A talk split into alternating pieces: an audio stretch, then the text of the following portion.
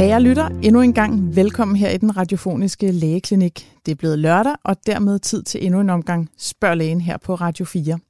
Jeg hedder Heidi Hedegaard, og jeg er din læge og din vært i dag, hvor programmet skal handle om noget, de fleste danskere nok har bemærket på afstand, men måske ikke har en egentlig berøring med.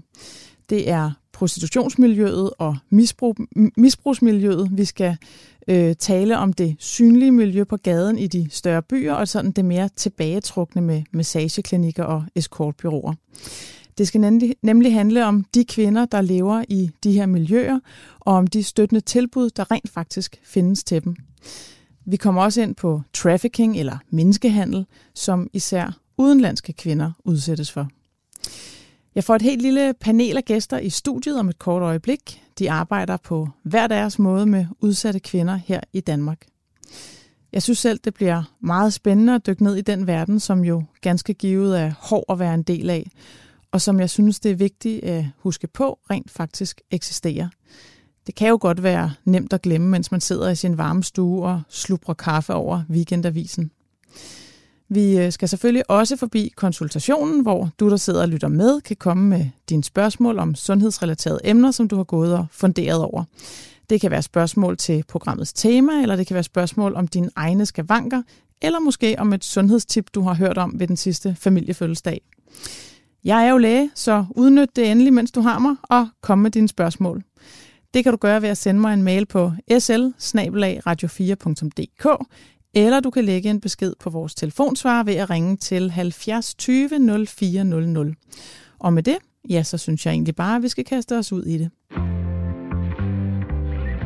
Min egen interesse for gadens folk og andre socialt udsatte mennesker, den startede sådan for alvor tilbage i 2011, hvor jeg uge efter uge sad i et lille bitte rum på 3-4 kvadratmeter sammen med folk, der stak sig i armen og fikset deres stoffer. Jeg var frivillig læge i Danmarks første mobile fikserum, eller fikselancen, som det blev kaldt. Og det var sådan en gammel ambulance fra Tyskland, hvor alt inventaret simpelthen blev skrællet ud, og så blev den indrettet sådan, at stofbrugere kunne indtage deres stoffer under opsyn af sundhedsfagligt personale. Og jeg sad ved sådan et lille bord op mod førerhuset med øh, rene kanyler og andet fikseudstyr. Øh, og så var der plads ude i siderne til to stofbrugere ad gangen, som så kunne sidde og fikse, fikse under de her øh, ordnede forhold og med et godt lys og sådan noget. Øh, min vigtigste opgave, det var jo selvfølgelig at overvåge, at øh, stofbrugerne de havde det godt og træde til, hvis de blev dårlige, eller hvis de havde fået en overdosis. Men min største oplevelse, det var altså alle de her hundredvis af snakke, jeg havde med brugerne, at øh, opleve deres åbenhed og taknemmelighed øh, og høre deres ofte meget skæbnesvang og livshistorier. Det gav mig en indsigt, som jeg er rigtig glad for at have i dag som læge. Jeg husker specielt en kvinde, øh, der kom i Fixelancen. Hun øh, fortalte, at hun var vokset op med forældre, der drak og tog stoffer, og da hun startede i skole, var hendes forældre ikke med til første skoledag. Hun øh, var tit alene hjemme og måtte falde i søvn alene i en lejlighed uden mad og varme, og lys var der heller ikke, for elregningen den var ikke betalt. Og inden hun gik ud af folkeskolen, der havde hun været udsat for adskillige seksuelle overgreb og vold, primært af farens venner. Øh, og hun havde altså forsvoret, at hendes liv, det skulle ikke blive som forældrenes. Men nu sad hun altså her i fiksevognen, og hun var blevet gravid. Så hun tog kun en lille smule, som hun sagde, inden hun stak sig og blev helt rolig i blikket. Jeg ved ikke, hvor langt jeg er henne. Kan du hjælpe mig, spurgte hun. Og ja, så nogle fortællinger, de, øh, de gjorde virkelig indtryk på mig. Den gamle fikselance, den er for længst pensioneret, og den dag i dag er den udstillet på Nationalmuseet. Og i stedet for er der kommet nyere modeller på banen, og der er også kommet faste fikserum i de kommunale lokaler. Øh, men dengang for mere end, ved du, jeg tager skulle lige det orange igen. Øh, ja, det gjorde indtryk. Den gamle fixelance er for længst pensioneret, og den dag i dag er den udstillet på Nationalmuseet. Og i stedet er der kommet nogle nyere modeller på gaden, ligesom der er kommet faste fikserum i kommunale lokaler. Men dengang for mere end 10 år siden, øh, der fik jeg altså øje på det liv, der leves på gaden, og specielt for de kvinder, som lægger krop og sjæl til en dagligdag, jeg slet ikke havde overvejet fandtes. Og i dag, der skal spørge lægen handle om kvinder i nød.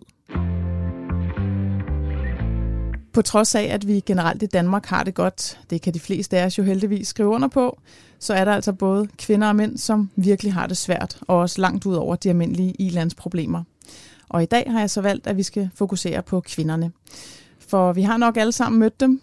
Kvinder, der hænger ud på gaderne rundt omkring i de større byer, eller dem, vi kan skimte inde bag døren i en lyssky massageklinik.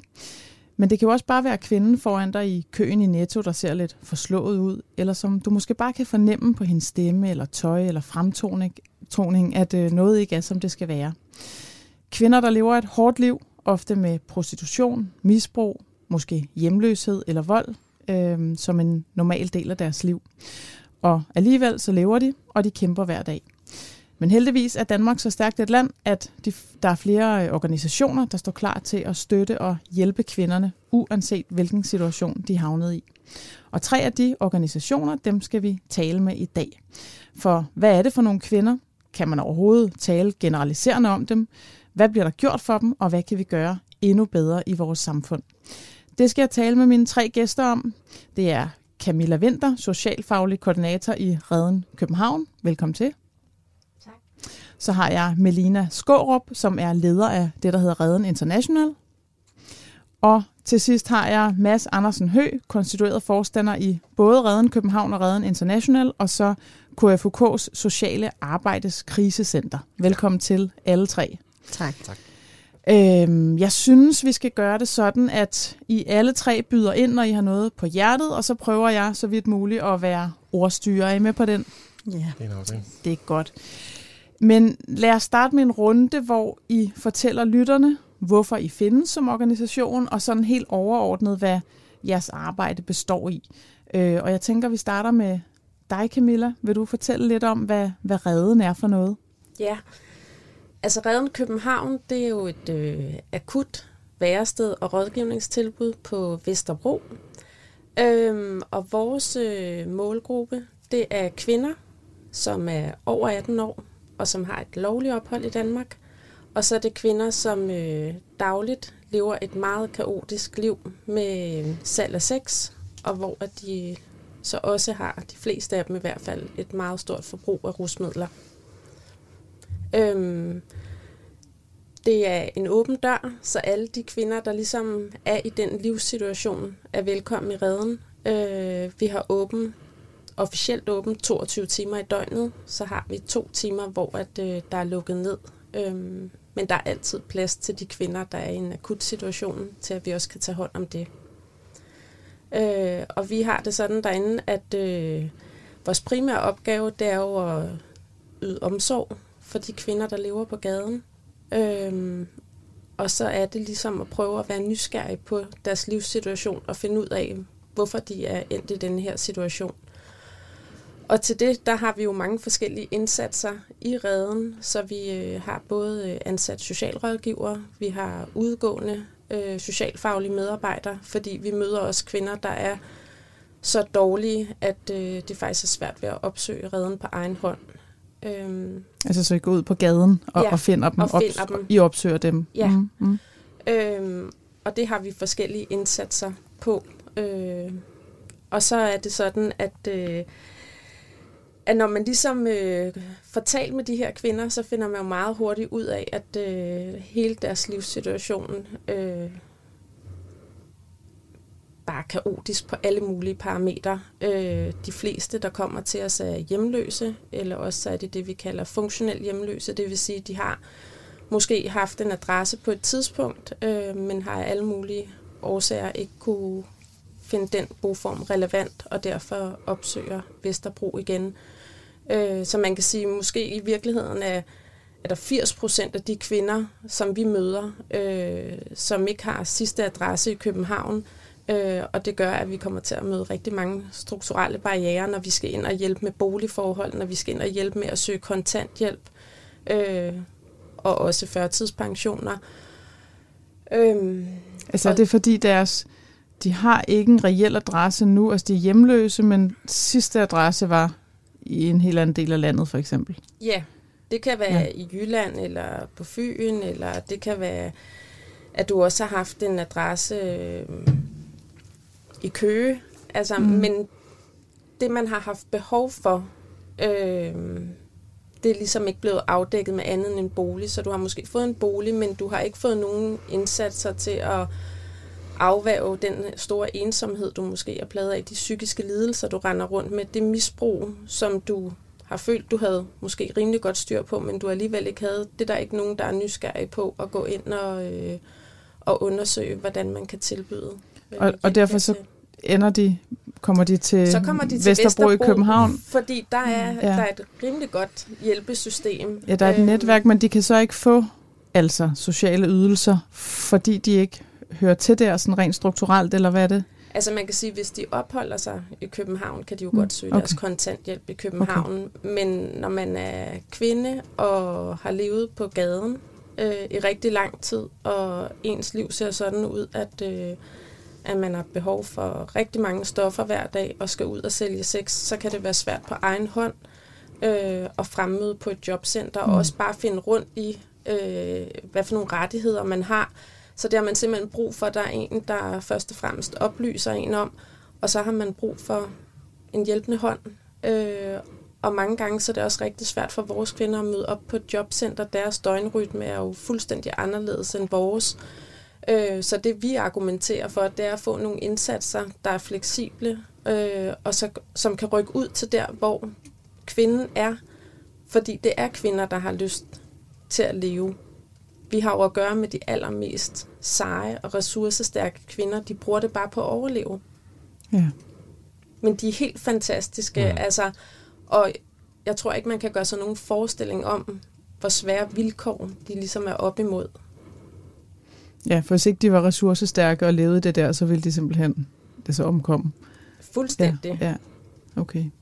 Men dem tager I imod og dem giver dem imod. de her forskellige... Så de kan få alle deres øh, basale behov i forhold til søvn, øh, ernæring, øh, nærvær for mennesker. Nogen, der gider at lytte til dem og har tid til dem, og også have noget fysisk nærhed med dem. Mm. Øh, og så øh, kan de få... Øh, lægehjælp, kan man sige, i redden. Vi har øh, hver tirsdag en frivillig læge, der kommer. Øhm, men i virkeligheden så er formålet med den lægehjælp, der er i redden, der at få skabt en relation øh, og genopbygge noget tillid til at... Øh, tillid til sundhedsvæsenet, eller? Præcis. Ja. Og okay. være brobygger, altså bindeledet imellem øh, den kontakt og til det sådan etablerede sundhedssystem. Ja.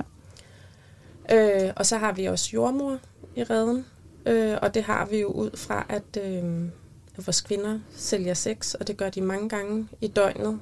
Øh, og øh, mange af vores kvinder er så presset, at, øh, at nogle gange så får man ikke lige tænkt over, hvilken prævention der vil være mest hensigtsmæssig, så det kan du også have brug for at blive oplyst om. Og der er også noget økonomi forbundet med det, at hvis man øh, er meget afhængig af at holde sig rest på stoffer, så har man ikke råd til at gå ud og købe en spiral til 1200 kroner. Så det sikrer vi jo ligesom i redden, at, øh, at det ikke en, det skal ikke være en økonomisk udfordring for dem, så de kan få det gratis tilbudt via øh, vores jordmor i redden.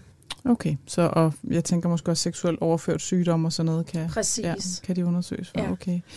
Øhm, jeg tænker, jeg lige vil smutte et, øh, et lidt over mm. til dig, Milena, fordi du er jo i, kan man sige, et lignende tilbud, men for øh, det er det, der hedder international, ikke? så for mm. ikke-danske kvinder. Ja, øhm, prøv at og det er det keyword, ikke? Altså, ja. fordi det jo netop er alt, hvad Camilla sidder og fortæller om de brugere, der er i, i Reden København, mm er jo, øhm, der er nogle ligheder til kvinderne, der bruger redden internationalt, men det, som der er den markante forskel, og særligt relevant, når vi taler sundhed, det er jo, at det er nogen, der lever her udokumenteret. Det vil sige, at de har et, ikke et sygesikringsbevis, de har ikke et CPR-nummer. Og med det følger jo, at de ikke har nogen som helst kontakt til øh, vores allesammens sundhedsvæsen. Øh, men skal gøre brug af små øh, lokale organisatoriske initiativer til, øh, til den slags altså, øh, sundhedstilbud, hvor man kan øh, øh, tilbyder noget, men som er uden for det etablerede sundhedsvæsen. Det vil sige, hos os er det jo en sundhedsklinik, hvor man kan komme ind øh, fra gaden af og få, øh, vi har både frivillige almenlæge og øh, gynekologer. Vi har også en af, altså vi er åbent tre gange om ugen, og en af dagene er det lønnet læger og sygeplejersker, som er øh, særligt har fokus på, øh, på det gynækologiske, fordi der kan være øh, uønskede graviditeter, og der kan være andre problematikker i den retning. Og det, du ser åben tre gange om ugen, det er altså for de sundhedsfaglige indsatser, man ellers ja. har i åben nærmest i døgndrift? Ja, som, ja, det har ja, vi. Og så ja. gør vi jo... Øh, det er jo primært et socialfagligt tilbud, men så har vi etableret et sundhedselement i det socialfaglige mm. tilbud, fordi vi jo kunne se, at den her gruppe øh, kan ikke og må ikke benytte det, det offentlige øh, sundhedsvæsen. Øh, men vi har sådan nogle indsatser, hvor vi både øh, har øh, et øh, rådgivningscenter på Vesterbro, ikke så langt fra, fra Redden København, vores kollegaer derovre, øh, som har åbent flere dage om ugen, og det er der i, hvor der ligger en lille sundhedsklinik, som er meget basalt set mm. med øh, vores allesammens øjne, men som er guld værd for at øh, forebygge, at noget bliver meget slemt sundhedsmæssigt. Mm-hmm. Øhm, så har vi åbent om natten, vi har åbent om aftenen, der er gadebaseret opsøgende arbejde, man går ud på gaden og også opsøger, ligesom man gør hos vores kollegaer derovre, og så har vi udkørende arbejde, hvor vi kører ud på øhm, bordeller og massageklinikker på hele Sjælland og Lolland Falster. Okay, også kun til altså øh, til de udenlandske, ja. og der er det jo så det vigtige at sige der, det er øh, til øh, den målgruppe, som er potentielle ofre for menneskehandel, eller dem, der er ofre for menneskehandel, som bliver vurderet det af myndighederne bagefter. Det er dem, vi har midler til at opsøge. Okay, og hvad, hvordan finder, finder I dem? Altså, hvis I kører ud, og, ja. og, og det er nogen, der opholder sig, kan man sige, hemmeligt. Altså, øh, ja. hvordan, hvordan finder I dem? Jamen, vi, vi finder dem. Eller vi finder langst. Altså, vi find, der er også nogen, man ikke finder, men vi finder, vi, vi har kontakt med, øh, hvad, hvor mange er det årligt? Nu har vi lige siddet og kigget tal. En 700 folk ja. kommer i kontakt med. Ja. Og det vi jo konkret gør, det er, at vi øhm, delvist laver noget, vi kalder øh, online opsøgende arbejde, sidder og kigger i kortannoncer, er rigtig bekendte med diverse øh, internetsider, hvor man kan øh, øh, søge efter at købe, købe seksuelle ydelser. Mm-hmm. Øh, så sender vi sms'er ud, ringer ud, er i kontakt, øh, og efterhånden har gjort det nogle del år, så vi har fået del øh, kontakt med mange, der sidder og ved derfor også har nogle kørelister, som vi bliver ved med at opdatere på, hvor ligger der bordeller og massageklinikker, hvor der bliver solgt sex, hvor ligger nogen, der ikke gør, hvor der ikke bliver, på, især på massageklinikker. Det kan også være en udfordring, hvis de bliver opsøgt, og de ikke sælger seksuelle mm. ydelser, så det er ikke så optimalt. Det opdaterer vi selvfølgelig. Øhm, så, øh, og, så det, og så sker der jo det fantastiske, når man er kommet nok gange og har leveret et troværdigt tilbud, så begynder de jo at anbefale til hinanden. Og det er det, vi ser, at, øhm, at vi får henvendelser fra nogen, som vi ikke har noget opsøge nu, men som så skriver, jeg har det her problem, jeg har smerter, jeg bløder ja, så helt vildt fra ringe, ringe i vandet. Ja. Og, og, så kommer de ned, så får de selvfølgelig en tid, eller vi kan køre ud til dem med det samme. Ja, og Mads han sidder og rækker fingrene det er jo bare, når vi har den her sundhedstilgang, så, så det vi jo kan se, det er, at øh, tilbud om sundhed, fordi den her målgruppe jo ikke har øh, særlig mange øh, hvad hedder det, tilbud om sundhedsydelser, ikke har adgang til vores system. Så det, at vi kommer, eller I kommer, mm. og øh, tilbyder øh, tests og øh, almindelig sundhedstjek, det er, kan danne udgangspunkt for en relation, som gør, at man kan få mm. kontakt til dem, som gør, at man kan arbejde med dem. Og det, man kan sige, på den måde, så sundhedsindsatsen, den, den har jo del i sig selv et sådan et forebyggende øh, mm. og ja, understøttende øh, funktion, men det er også en måde at skabe kontakt til. Det kan faktisk se, det gør en forskel. Ja.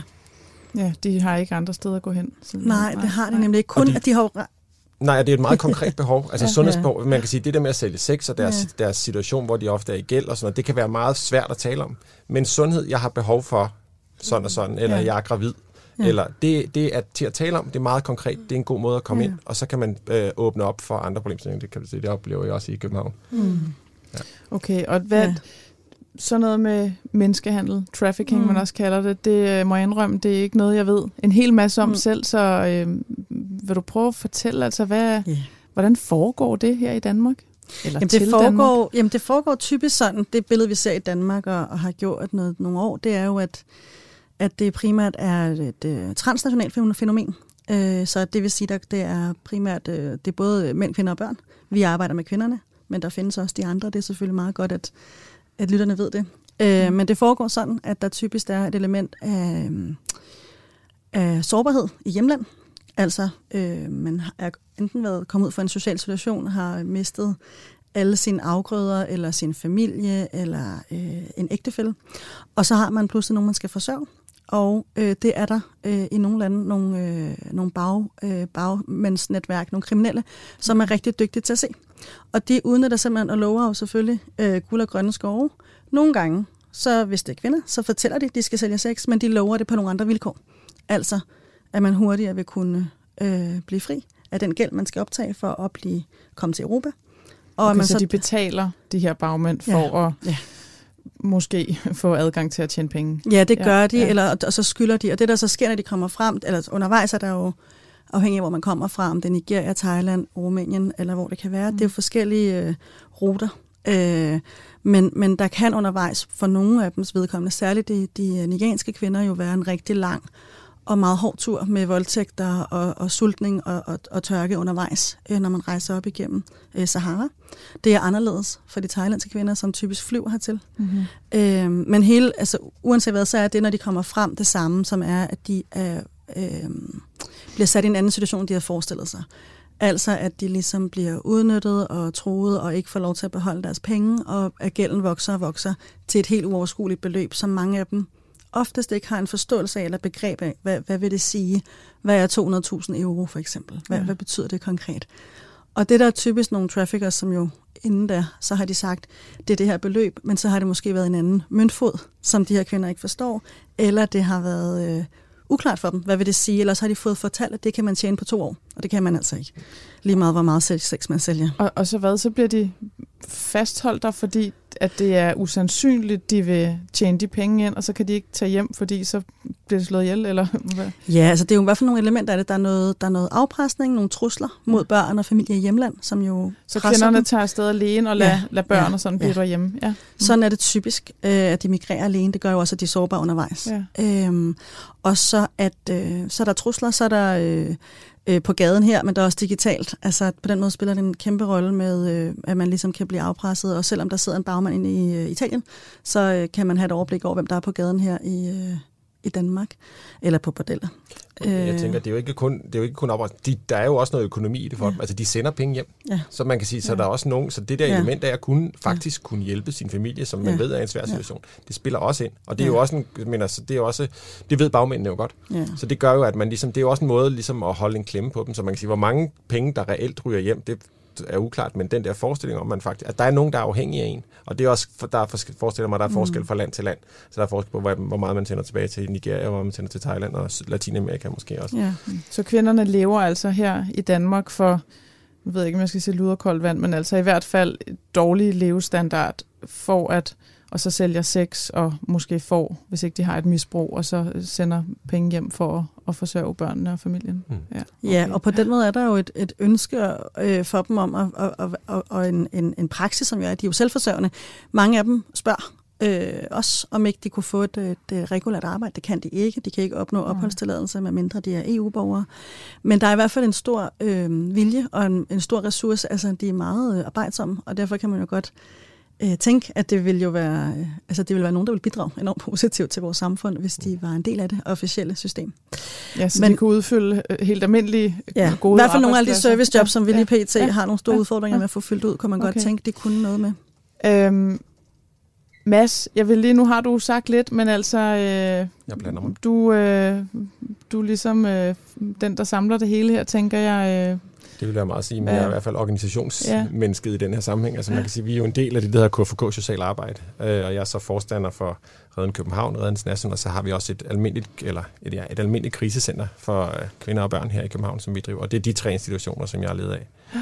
Men vi er jo en del af KFK Social Arbejde, som, øh, som er mest kendt for redderne, Redden København, men vi har redder i Odense, i Aarhus, i Aalborg og i Esbjerg også, har vi lige åbnet en øh, som arbejder med nogenlunde de samme problematikker. Mm. Øh, stofscenerne er lidt forskellige i de forskellige byer og sådan noget, men man kan sige, det der med, at der er nogle udsatte kvinder, som har behov for noget værested og noget, øh, noget socialt støtte, det, det arbejder vi med. Så har vi også øh, i KFK Arbejde også herberger og øh, øh, nogle krisecenter for øh, kvinder i misbrug og kvinder med aktiv misbrug og, øh, og psykisk lidelse. Det er faktisk en mangelvare. Det der med, at man de er utrolig voldsudsatte. Altså, det er et hårdt liv, de lever, men øh, det der med at kunne komme på krisecenter, når man har et aktivt misbrug, det er rigtig svært. Det er der ikke særlig mange pladser af. Så det har KFK Social Arbejde åbnet et i, på Fyn og et, på, et i Jylland. Okay. Øh, ja. ja. Men det er jo generelt i sundhedsvæsenet, er der jo mange tilbud, hvor der kan du ikke komme, altså hvis for eksempel det er et psykiatrisk tilbud, så kan du ikke komme der, hvis du samtidig har et misbrug, eller ja Så der er mange barriere, hvor de ligesom bonger ud på dem alle sammen, og så er det rigtig, rigtig svært at finde noget i det etablerede system. Det er i hvert fald det, jeg oplever ja. som læge. Ikke også, vi arbejder også med, at vi har tilbud om øh, psykologhjælp i, øh, i redden, fordi mm. det at have, få psykolog når man har et aktivt misbrug. Det er også sådan, i hvert fald, i hvert fald nogen, der siger, at det kan ikke hænge sammen. Nej. Det ved jeg jo så, at det kan ja, se, det kan. udover kan man sige, altså udover det kan man sige, at kriteriet for at få adgang til psykologhjælp i Danmark, øh, hvis du skal have noget psykologbistand, det, det vil være, at du som kvinde sidder og kan i tale sætte, at mm. øh, du har et ønske om at forlade prostitution. Og virkeligheden er jo sådan, at, øh, at vores kvinder ser det som værende en øh, så stor udfordring, at, at det er simpelthen ikke en mulighed at forlade øh, prostitutionen. Men man vil gerne tale om alle de traumer, tillader jeg mig at sige, fordi det er hverdagstraumer, vores kvinder bliver pådraget. Øh, det vil man godt tale om, og så kan det være, at man når derhen på et tidspunkt øh, til at se, at det kan blive en mulighed. Ja, de skal simpelthen midt i ildebranden, som det står i, skal de bare kunne holde ud og være der på en eller anden måde. Øh, ja. ja. Simpelthen for, for at kunne leve. Altså, jeg kunne godt tænke mig at høre sådan lidt, hvad, hvad behovet egentlig er i de her enkelte organisationer. Ikke? Øhm, mm. Hvor, hvor mange kvinder ser I? Altså, hvor gamle er de? Og... Mm. Altså, i Reden København øh, har vi jo været ramt af corona, kan man sige, som alle andre. Øh, så der har selvfølgelig været lidt øh, nedgang i antallet af besøgende, øh, fordi der var begrænsninger på, hvor mange vi måtte tage ind, mm. hvilket også har været ekstremt udfordrende i en tid, hvor at, øh, at man ikke har noget at henvise til sig, fordi de er hjemløse. Øh, men jeg tror, at det sidste års tid har vi haft øh, 200 og... Ja, det vil sige, at vi har mellem 200 og 300, så de, nogle, før corona var vi oppe omkring 350, men så vi er nede i 200-300 om året. Så, Unikke personer, altså forskellige mennesker, der i løbet af året kommer ind i redden. Og så kan de så komme der de kommer der mange gange. Mange gange hver især. Altså jeg tror, ja, vi snakker altså 10.000 besøg eller sådan noget. Ikke? Ja, nogle kommer jo hver dag, mm. øh, og nogle kommer også øh, 20 gange i døgnet, fordi det er jo det liv, de lever, ind og ud, ind og ud, og så øh, kan det godt føles som om, at man har 300 besøgende igennem i ja. døgnet. Men jeg vil sige, at i gennemsnit har vi cirka øh, 30 øh, unikke besøgende kvinder i døgnet. Okay. Øh, og det er det er kvinder, som lever et øh, barsk liv, og som masser også siger, øh, er ekstremt øh, voldsudsatte. Men kommer de så ind til jer? Altså nu kan du sige, at nogen kommer ind og ud, og jeg ved jo, hvis, hvis man øh, tager hårde stoffer, og det er ofte kokain, ikke også, det tager, jo. det er jo et, det er jo et meget, meget kort øh, fix. Altså, ja. det var i meget, meget kort tid, og derfor så skal de have rigtig mange gange om dagen. Ja. Så er det, altså, tager de det inde hos jer, eller kommer det ind efter, de har taget det få et pusterum, eller... Altså, øh, man må ikke indtage sine stoffer okay. i redden, fordi vi ikke har øh, rammerne til at facilitere det. Øh, men så er der jo det store stofindtagelsesrum øh, mm. på Vesterbro mm. 17 og det er jo der, vi ligesom henviser til, at de skal gå over og tage deres stof. Men det er rigtigt, som du siger, at deres fix, det var måske øh, 20-30 minutter, fordi det er kokain, de tager. Så når de ligesom har taget deres stof, øh, så det er også der, de skal ud og nå at lave en kunde, og de lige skal fyldes på i redden med lidt omsorg og lidt at drikke og lidt mad. Så de kvinder, vi møder, øh, er jo mange gange meget hektiske og har mange behov, øh, der skal dækkes her og nu. Øh, og det gør vi alt, hvad vi kan for at, at dække. Så det, jeg får som næsten sådan en lille øh, altså arbejdsbi, der skal have indtaget sit stof, så, øh, så skal man ud og tjene til næste, fordi det er virkelig fra, ja. altså det, pengene skal laves nu og her. Og i den korte pause, hvor man så både skal have en, en kunde, så skal man også have, have mad og drikke og orden, alt muligt andet, inden næste fix skal ja, klares. lige ind og vaske sig, og ja. lige have et kram, og lige måske Nå. fortælle om, hvad der har været sket den sidste halve ja. time. Øh, og så plejer det ej, det er sjældent, man siger plejer inden for mit område, men øhm, når der så er gået fem dage, hvor man har kørt sådan, så, øh, så, så har man brug for altså at slappe af. Så fortæller kroppen, nu skal du slappe af. Så de kollapser simpelthen fysisk, de kan ikke mere. Og så er de derinde cirka et helt døgn, hvor vi jo så kan være om dem og prøve at samle dem op bedst muligt. Øhm, og så går de ud og fortsætter det liv igen vi ser jo så også heldigvis også over tid, at øh, den omsorg, vi investerer i kvinderne, øh, gør, at, øh, at de får et overskud til at for eksempel søge kontanthjælp eller tage vare på sit øh, fysiske helbred. For som Mads sagde, så det, det fysiske kan de forholde sig til, og det er også fordi, det er det sted, kan man sige, hvor der er allermest stigmatisering forbundet med. Når du har noget fysisk, så går du til lægen og fortæller om det. Mm. Det kan alle forholde sig til, at det er synligt. Men det psykiske og salg af sex og voldsudsatheden er der jo enormt meget stigmatisering omkring.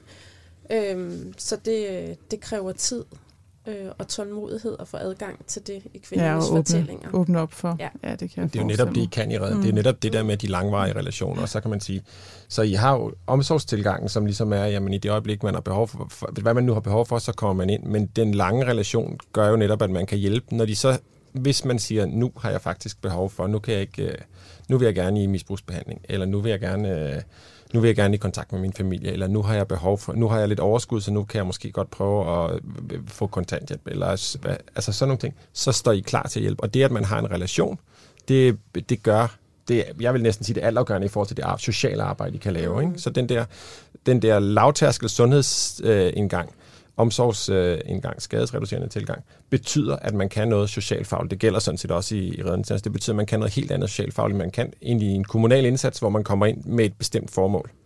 Øhm, så det er det, som, som de her tilbud især kan. Mm. Og det må jo være, ja, noget af det kan jo være det samme hos, hos jer, Melina, tænker jeg på international, men, men fordi det er illegale, så er der jo også noget, hvor at det mm. ikke fylder. Så hvad...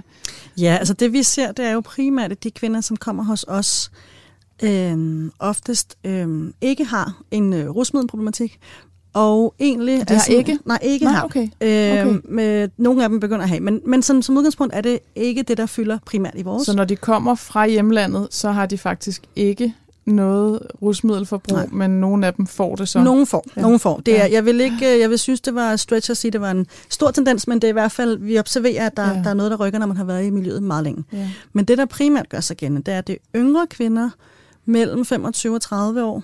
Ja, hvad, hvad er det nogen, der... de almindelige redder, de danske redder, kan man sige? Hvor gamle er de der? Altså gennemsnitsalderen ligger i 30'erne, mm. øhm, okay. men vi møder jo også øh, de kvinder, der er 18. Mm. 20 år. Ja. I har et stort ja. aldersspænd i de, det her afsnit, der ligger i den anden ende. Altså, I har ja. nogen på 55-60 år. Ja. ja. Ældre, ja. Ja. Okay. ja, vi har egentlig også et, et, et, et større aldersspænd, end jeg ville have troet, mm. så der er både de helt unge, og der er også nogle kvinder oppe i 50'erne. Mm-hmm.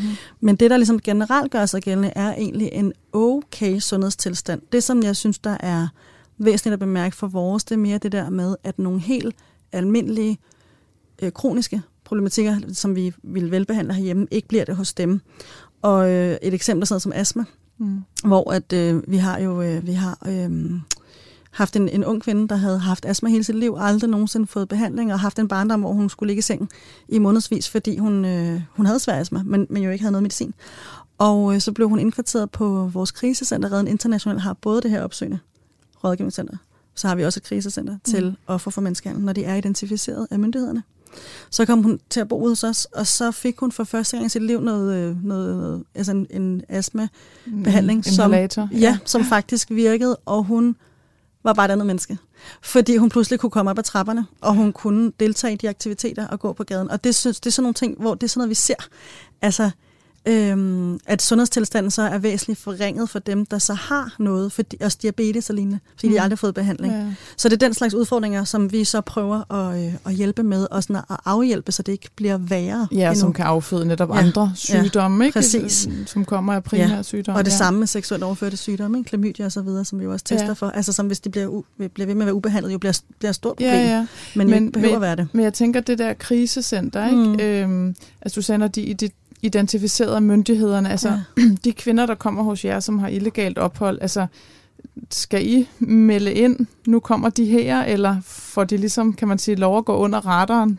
På sådan ja, altså vi har jo heldigvis sådan, at vores øh, tilbud på Vesterbro i Redden International ja. er et lavtærskeltilbud, det vil sige, at alle kan komme ind af døren, alle dem, der er i målgruppen, udlandske kvinder, der sælger sex, mm. potentielle offer for menneskehandel. Det er et lavtærskeltilbud. Hvis de så når de kommer noget tid, så prøver vi selvfølgelig at tilbyde dem rådgivning og sundhed og hele det her øh, apparat, vi har. Der er ikke noget med, at vi skal rapportere til nogen. Det er rigtig væsentligt, ellers så kunne vi ikke skabe tillid. Noget af det vigtigste er tillid er det, lov, altså, er det en lovlig ting, at man ikke skal det? Ja, det er det på den måde, at, at, at de midler, vi får, bliver givet til at hjælpe potentielle ofre for menneskehandel. Okay, okay. Så det er klart, hvis der er nogen, der er kommet noget tid, og vi kan se, det er, at der er ikke noget menneskehandel her, så skal vi begynde at tænke i at henvise videre. Mm. Sådan er det. Det er sådan, vores midler er bundet. Men vi behøver til gengæld heller ikke at afvise nogen, fordi vi skal ikke se noget sygesikringsbevis, vi skal ikke se noget identifikation, når de kommer ind. Nej. På krisecentret, der skal de være offer for menneskehandel, eller være i gang med at blive udredt af Uddannelsesstyrelsen og Center mod Menneskehandel. Og der er det klart, der er det jo ikke et lavtaskel. Der skal man have identifikation, man skal vide, hvem er de, hvad er planen mm. med, de kommer. Og tilbuddet er øh, til offer for menneskehandel, der bliver indkvarteret. Det, de kan sige ja tak til, det er en forberedt hjemrejse til deres hjemland, hvor de får noget støtte og nogle midler, økonomiske midler og noget opkvalificering og noget støtte øh, hos os inden da og bliver taget imod i hjemlandet. Men så kan de være 120 dage på vores krisecenter. Men er de ikke bange? Altså, man kan sige, hvis de så pludselig skal hjem og få hjælp til det, det går vel imod bagmændenes øh, interesser. Ja. Så der er vel ikke noget beskyttelse, Nej. når de så kommer hjem? Nej, altså for dem, der troede i hjemlandet, som jo er, er for en stor andels vedkommende, øh, og så, så der kan man jo skulle arbejde på, skal de tilbage til samme del af landet, afhængig af hvilket land de kommer fra, skal de øh, et andet sted hen. Men de fleste af dem udtrykker jo en bekymring og en frygt så skulle øh, du flytte hele deres familie, ja. kan man sige, i den hjemby, de ja. har. Ja. Og der er jo nogen, der forsvinder fra krisecentret og går tilbage til at leve under radaren, fordi de jo ikke øh, kan se sig selv i det. Ja. Både fordi der stadig er forsørgelse, som masser også talte om tidligere. Altså, der er stadig nogle børn og noget familie, der er øh, fattige. Og også fordi de er bange. Så går de tilbage, så går de på gaden på Vesterbro, eller tager til et bordel i, øh, i Svendborg, eller hvad kan det være? Ja. Altså. Og oplever, altså fortryder de? Fortryder de, at de tog imod det her tilbud for den bagmand mand dengang, eller ser de stadig, at de ikke har haft nogen øh, andre mm. muligheder? Jeg vil sige det både og, fordi altså, de, er, øh, de bliver vanvittigt presset af at være i sådan en situation, som de er i her, og føler sig låste. Samtidig er de også, øh, går de jo nogle gange tilbage øh, til det samme og forsvinder fra krisecentret, fordi at de ligesom stadigvæk ser, at det de få penge, de kan sende hjem, er bedre end det, øh, alternativ, som er, at der ikke er nogen penge derhjemme. Det kommer også meget på, hvilket land vi taler om. Fordi nogle af de kvinder, for eksempel fra Thailand, der, der er en lidt bedre infrastruktur, en lidt bedre økonomi i landet. De tager tit imod tilbud, de tager tit hjem, og de er tit rigtig kede, de er blevet udsat for, selvfølgelig. Mm. Men kan bedre tage hjem igen, fordi der ligesom er en, en lidt mindre grad af fattigdom, end for eksempel Nigeria. Og, og, og det er typisk, ja Mads, du vil lige sige Nej, noget? jeg altså, mener, jeg vil bare sige, det der med, og, og, altså, som Melina sagde, det er jo, det er jo, det, de er jo et udnyttelsesforhold, men de er jo også, som du sagde, handlende aktive kvinder, som, mm. som, som, som forsøger at løse en, en mm. udfordring i deres liv. Altså, de mm. kommer fra svære vilkår. Mm. Så, så, så man kan sige, det at blive sendt tilbage til de svære vilkår, det er måske ikke altid løsningen, og så kan det godt være, at det ikke er ret, det de har her, men det kan, der er nogen, der kan opfatte det som værende et alternativ, at de kan give deres børn et bedre liv. Øh, ikke at det, altså mener, det er ikke at, at, at sige, at det er gode forhold, de har her, men, men det er spørgsmålet, hvad er, hvad er alternativet? Og det er jo det, som de hele tiden manøvrerer i, det er, hvad for nogle muligheder ja, har. Det er det samme med sex, ja. Og, og, ja, øh, ja. Hvordan, Mads, hvad, sådan udviklingen hen over tiden, hvordan er det det samme som for 10-20 år siden? Eller? Uh, der har, altså Camilla har jo været på området i længere tid, end jeg har som sådan, men øh, altså, hvad tænker du i forhold til salg 6? Eller? Jamen egentlig bare, hvordan, øh, hvor, hvor mange der kommer, og hvordan har de det? Altså, er der en ændring i det her med menneskehandel, eller er det altså, sådan man steady kan state? Sige, I forhold eller? til salg af sex, øh, der kan man sige, både det jeg ser, og det kvinderne også fortæller mig, det er, at der er sket sådan en øh, stor individualiseringstendens. Øh, og det betyder, at man er rigtig meget alene med det. Øh, og det kan der være alle mulige årsager til, men for eksempel er Vesterbro jo også blevet meget moderniseret. Før altså alene med øh, sin egen sexforretning, eller hvad skal man sige? Ja, altså man kan sige, at øh, du går, sådan, du går alene. Før der gik man måske sammen, og man samtalede mere om det. Altså øhm, kvinderne sammen? Ja. ja. Hvor, hvorfor, hvorfor er det blevet sådan, hvorfor er de blevet alene? Jamen, øh, en ting er jo, at der fortsat øh, er ekstremt meget stigmatisering forbundet med det. Øh, og så at det jo også, at stofferne øh, har ændret sig. Øh, den måde, de indtager stofferne på. Altså, da jeg startede i redden for snart 14 år siden, der var det sådan primært forbrug øh, heroin, øh, som gjorde, at man øh, havde en anden måde at agere i verden på, fordi at det var jo sådan en downer-effekt, det fik, så der kunne du godt få din søvn, øh, og faktisk have sådan et nogenlunde øh, liv Mm, et sløvende middel, ja. ja. Ja, hvor kokainen, det er jo hele tiden, og det har jo gjort, at de er blevet ekstremt hektiske, og øh, Øh, så er der også det i forhold til at sælge sex, det priserne er faldet for dem, og det er jo fordi, der også er meget konkurrence kvinderne imellem, altså med, at de skal have en kunde, øh, fordi at de skal også have til deres næste fix her og nu. Øh, og så går de ikke i Skelbækgade mere, der Altså det er i København, hvor der var sådan ja. en, en gade, Skelbæk-gade tidligere, ja. ikke? Hvor, hvor de sådan stod, men nu er det mere spredt. Øh. Altså, så jeg kan jo sige, altså, men jeg kan ikke sige, jeg har samme erfaring som Camilla, men forskning siger jo også, at, at øh, det er jo en af grundene til, at det er mere individualiseret, også at det er meget mere digitalt. Mm. Altså, okay. vi har jo alle sammen en telefon i, i lommen, og det er jo en adgang til kunder. Øh, så det der med, at man kan sælge sex øh, digitalt, betyder, at man ikke fysisk skal stå sammen, og, og det er ikke, på gaden. Er det ikke, det er ikke kun escortbyråer, altså det er også for dem, der er på gaden, eller hvad? Altså man kan sige, at øh, de fleste af vores kvinder ejer ikke en telefon. Okay. Øh, fordi den får de stjålet efter 10 minutter.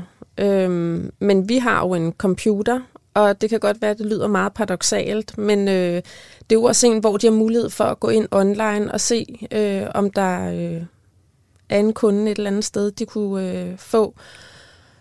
Men det skadesreducerende i det, kan man sige, det er jo, at vi får mulighed for at få en dialog med kvinden om, hvad det er, hun skal ud til, frem for at hun selv ligesom går ud i gaden og skal opsøge øh, og finde en kunde. Øh, så på den måde, så kan man sige, der er det jo et, et hjælpemiddel til at prøve at skadesreducere, for at kvinden ikke skal stå ude i gaden i flere timer og gå forgæves, så har hun mulighed for at gå ind og sige, hvordan kan jeg få ordnet det mm. her hurtigst muligt og sikrest. Okay.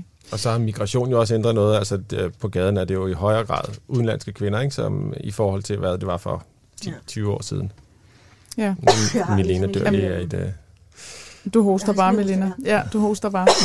øhm, en, en ting, jeg godt lige kunne tænke mig at runde her, det er, øhm, altså, er det så den mest symptomlindring, I tilbyder? Altså, de kommer igen og igen, og så kan det godt være, at de får det lidt bedre, fordi I, I giver dem noget hjælp, eller, eller er der noget fremdrift i det? Altså, hvor mange af kvinderne øh, får det simpelthen øh, på lang sigt bedre, altså enten ved, at de kommer ud af miljøet, eller altså, måske får et almindeligt job, eller får en bolig, eller ja, genoptager noget netværk med noget familie, eller sådan noget, du var inde på, Mads. Det kommer jo an på, hvad succeskriteriet ja, er for ja. at få det bedre, ikke? Øh, fordi jeg vil sige, at øh, vi møder i hvert fald ikke kvinder med at sige, at øh, nu skal vi sørge for at hjælpe dig ud af prostitution mm. og misbrug, fordi så var de gået igen. Ja. Man kan sige, der hvor jeg igennem rigtig mange år har øh, set nogle kvinder få det bedre, øh, det er i forhold til relationer og tillid. Øh, jeg oplever faktisk, at der er nogle kvinder, der lige pludselig begynder at, at tro på, øh, at der er nogen, der er vedholdende, og nogen, øh, der er til at stole på, og nogen, der har et ønske om at bistå med at sikre, at, at de bliver taget alvorligt, fordi det det har de heller ikke særlig gode erfaringer med.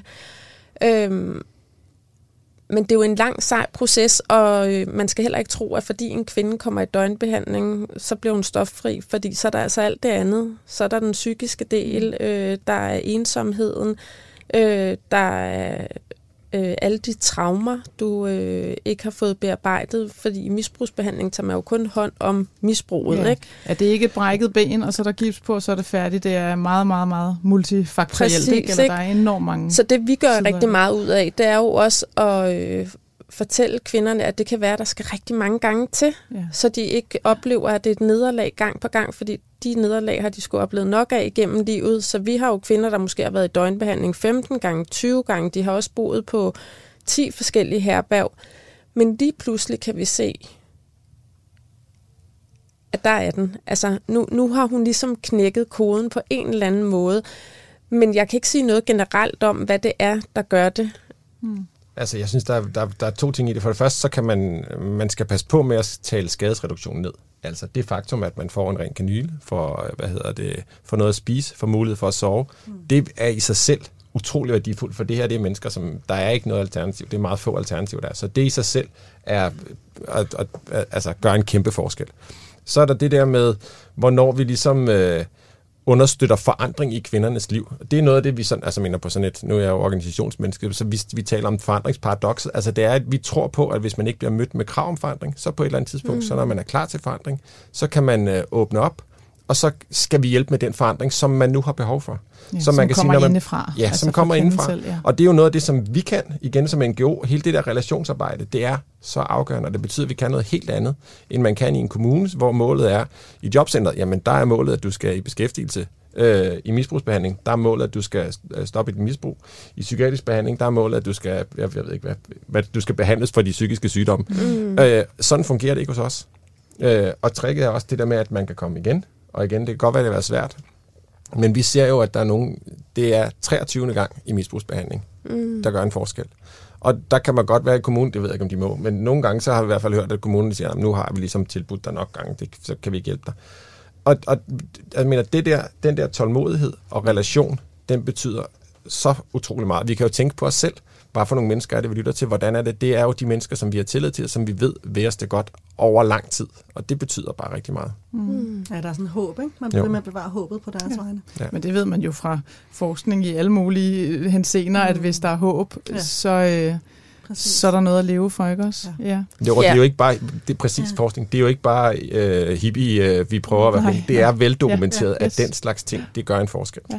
Ja, samtidig med, at hvis man så også lindrer nogle af de stressfaktorer, øh, du lever under, øh, og det er jo for eksempel at øh, gå ind og fjerne krav om at fremmøde på et jobcenter hver uge, øh, når man lever i sådan en livssituation, mm. som de her kvinder gør, ikke?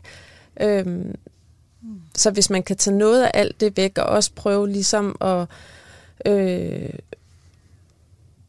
at tage dem alvorligt på den voldsudsat, altså de er udsat for. Vi møder jo også kvinder, som øh, nærmest ikke tager sig selv alvorligt mere. Øh, og det er jo kvinder, som øh, også kan have en vold, altså stor voldsparathed selv, men det er jo ikke fordi, det er farlige kvinder, det er bare kvinder, der har været øh, udsat for det, så det meget. Det er sådan, de er flasket op, kan man sige. Ja, ja, ja præcis. Det, det, de så det går vi jo også en arbejder ja. rigtig meget med.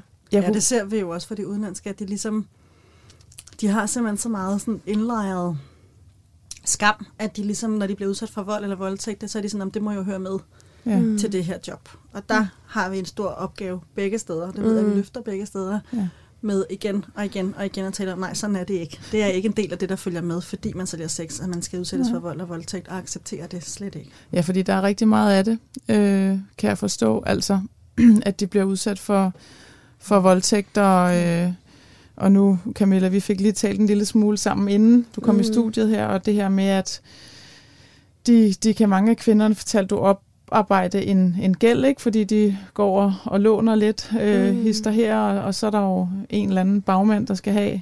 Pusher, ja. Ja, pusher, ja, mm. der skal have øh, pengene udbetalt, og, og hvis ikke det sker, så, så kan der blive straf på anden måde, mm. som for eksempel kan være... Øh, Voldtægt. Voldtægter, mm. og også af flere mm. på en gang. Ja, ja. ja. Ja, og der er den strukturelle barriere jo, eller man kan sige, at kvinderne de har svært ved at blive taget alvorligt øh, af både politi og sundhedssystem på den situation, de er i, når det er, det er noget, der er relateret til en pusher eller en kunde øh, med voldtægter. Ikke? Mm. Men som jeg også sagde, så har vi jo heldigvis et lokalpolitik på Vesterbro, som er fuldstændig uundværlig, øh, fordi vi kan ikke i redden løfte noget alene. Vi er simpelthen afhængige af, at vi også har nogle andre aktører, der går med ind og løfter den her opgave, mm. og det er jo politiet og sundhedssystemet. Ja, ikke? Seriøst, ja. ja. Jeg kunne godt lige her, vi skal til at afrunde, ikke? jeg kunne godt tænke mig, kan være, jeg skal spørge dig, Mads, hvis nu man sådan tager de rigtig kyniske briller på, ikke? så kunne man sige, det er der måske nogen, der spørger om, hvorfor overhovedet bruge ressourcer på at hjælpe mennesker, som lever på den forkerte side af loven? Øh, med misbrug og så videre. Hvorfor ikke bare lade dem sejle deres egen sø?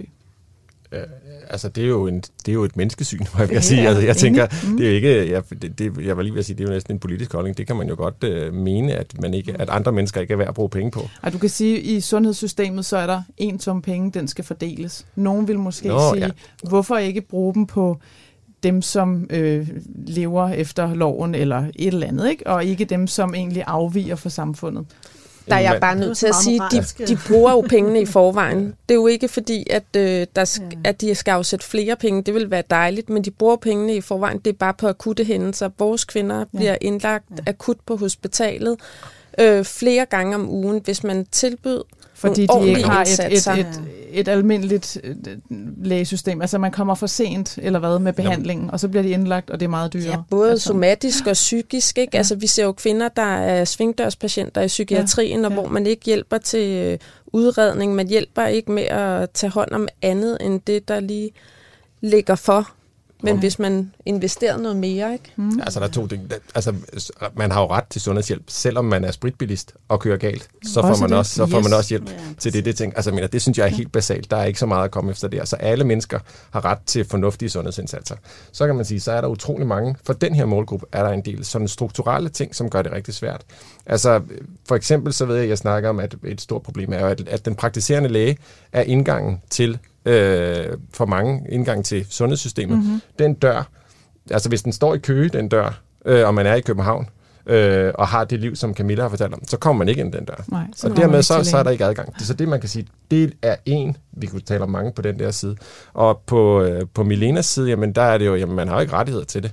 Øh, og så der, er, der, der, der har vi en gruppe, som der er en gruppe, som i det øjeblik, man bliver identificeret som offer for menneskehandel, så falder man inden for nogle forskellige regler, så der så gælder der nogle offentlige systemer, som man så nogenlunde har ret til, så skal man oplyse om, at man har ret til det, men det, men det, det har man. Og så hvis man er dansk statsborger, så har man også ret til noget, men vi har en kæmpe gruppe af udenlandske mennesker, som er her mm. øh, ikke lovligt, men som er og lever, og som ikke har nogen rettigheder. De falder simpelthen mellem systemerne mm. i øjeblikket. Der gør I jo noget, I, øh, I er i for, for at hjælpe, ikke? Jo, og de har jo så, altså de har jo ret til det helt akutte. Det, der bare udfordringen er, det, der ikke er akut, det bliver akut. Mm. Det er jo det, det gør. Og det koster mm. os jo alle sammen rigtig mange ja. penge. Så der mm. er jo noget omkring det. Altså, det der med, øh, som jeg ser det, øh, ikke at have ret til kraftpakker, ikke at have ret til en fødsel, en sikker fødsel på et hospital osv. Ja, ja, der er en masse, Så er der nogle virkelig... ting, som jo så bliver akut, og mm. pludselig bliver kræften så akut, og så bliver det en rigtig dyr mm. øh, behandling, som ja. de så får alligevel. Ikke? Men jeg er glad for, at jeg kan mærke, at I virkelig jeg får jer til at flyve op af stolene ja. med det her spørgsmål, ikke? fordi man, I har virkelig følelserne med i det, ja. og I ser mm. på det hver dag, ikke også? Så det, ja. Altså, jeg bliver nødt til at løfte fingrene og sige, at den kyniske brille, den kan jeg godt tage på og sige, at som, som Camilla siger, det er dyrt de her mennesker, de sejler ind og ud af, hvad hedder det, af psykiatri, af misbrugsbehandling, øh, fordi det ikke er indrettet til dem. Så vi bruger relativt, allerede relativt ja. mange penge mm. på dem, og det gør vi, fordi de har ret til det. Ja. Så det skal vi gøre, ja. men vi skal bruge pengene klogere. Men en omfordeling. Ja. ja. Så og det er noget med nogle fremskudte behandlinger, ja. og noget, der er tættere Bedre samarbejde mellem og det kan vi, tror jeg, mange kan blive enige om, og det er jo helt politisk hold, ikke også? Jo. Prøv at høre alle tre. Øh, vi skal lukke ned nu. Det var øh, sindssygt spændende her, at have jer inde, og man kan jo virkelig mærke, hvordan I, I brænder for det her. Det er jo fantastisk, at vi bor i et land, som, som rent faktisk gør noget øh, ude lokalt. Ikke? Så tak fordi I var med. Øh, Camilla Winter fra Redden København, Milena Skåb fra Redden International og Mads Andersen Hø, som er konstitueret forstander både i Redderne og i KFK's øh, Sociale Arbejdskrigscenter. Tak for invitationen. Tak. Så er der ikke meget tid tilbage efter en lang og spændende snak om kvinder i nød. Men nu er vi kommet til den del af programmet, hvor det er dig, kære lytter, der bestemmer dagsordenen. Jeg vil nemlig hive fat i et spørgsmål, som jeg har fået på mailen. Og det er fra Ole, og han skriver sådan her. Jeg skal til USA til sommer, øh, og jeg skal flyve, men jeg har flyskræk. Hjælp. Jeg har prøvet hypnose. Det virkede ikke. Findes der nogle piller, jeg kan tage imod det? Råd og vejledning modtages med kysshånd. Flyskræk, Ole. Ja, det er jo en form for en øh, angsttilstand, hvor kroppen reagerer sådan lidt irrationelt. I hvert fald så burde man have en endnu større skræk for at køre bil, som jo er meget farligere. Øh, du spørger, om der er nogle piller, du kan tage, og Ja, der er noget, som dæmper angst. Det kan være noget beroligende medicin eller nervepiller, som de blev kaldt i gamle dage. Og nogle folk, de tager også sovemedicin. Men øh, som læge, der synes jeg, det er en rigtig dårlig idé, og det plejer jeg også at sige til mine patienter. For hvis nu der endelig skete noget, hvor det krævede, at man var vågen og klar, så, øh, så er det dumt at have dopet sig på den måde. Så det, jeg vil foreslå dig som et bedre alternativ, det er enten sådan nogle beta-blokker, hedder det, som nogen også tager til, hvis de skal til eksamen og er nervøse. Det kan få hjertet dæmpet en lille smule, øh, frekvensen af det. Øhm, Og så er der noget søsygemedicin, som jo er lidt sløvende, men som man sagtens kan vågne af igen, og som altså gør, at man måske kan få en god lur. Men det allerbedste råd, det er, at du skal sige det til personalet i flyet. Sig det til stewardessen.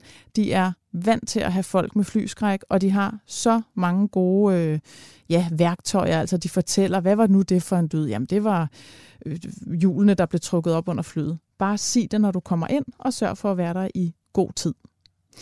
Det var vi noget for i dag. Det har været en fornøjelse at lave programmet til dig. Mit navn det er Heidi Hedegaard. Jeg er din vært og din læge. Oliver Breum var redaktør, og så lyttes vi bare ved.